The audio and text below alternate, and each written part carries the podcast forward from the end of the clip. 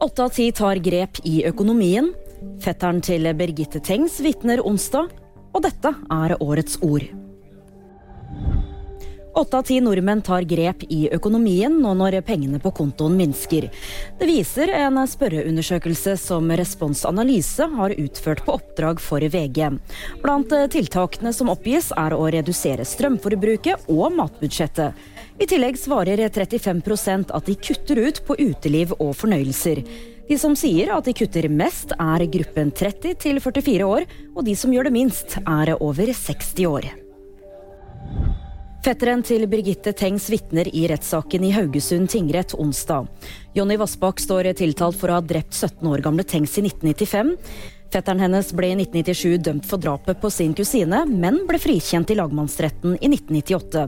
Men uh, Forsvarerne har også understreket at han er uskyldig, og at de skjønner at det er en belastning uh, for han å komme i denne saken igjen. Det sa VGs krimkommentator Øystein Millie. Krympflasjon er årets ord 2022 ifølge Språkrådet. Ordet krympflasjon blir brukt når innholdet i eller størrelsen på en vare blir mindre mens prisen står stille eller øker.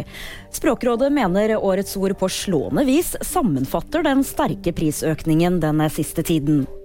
Og det var VG nyheter. De fikk du av meg, Julie Tran.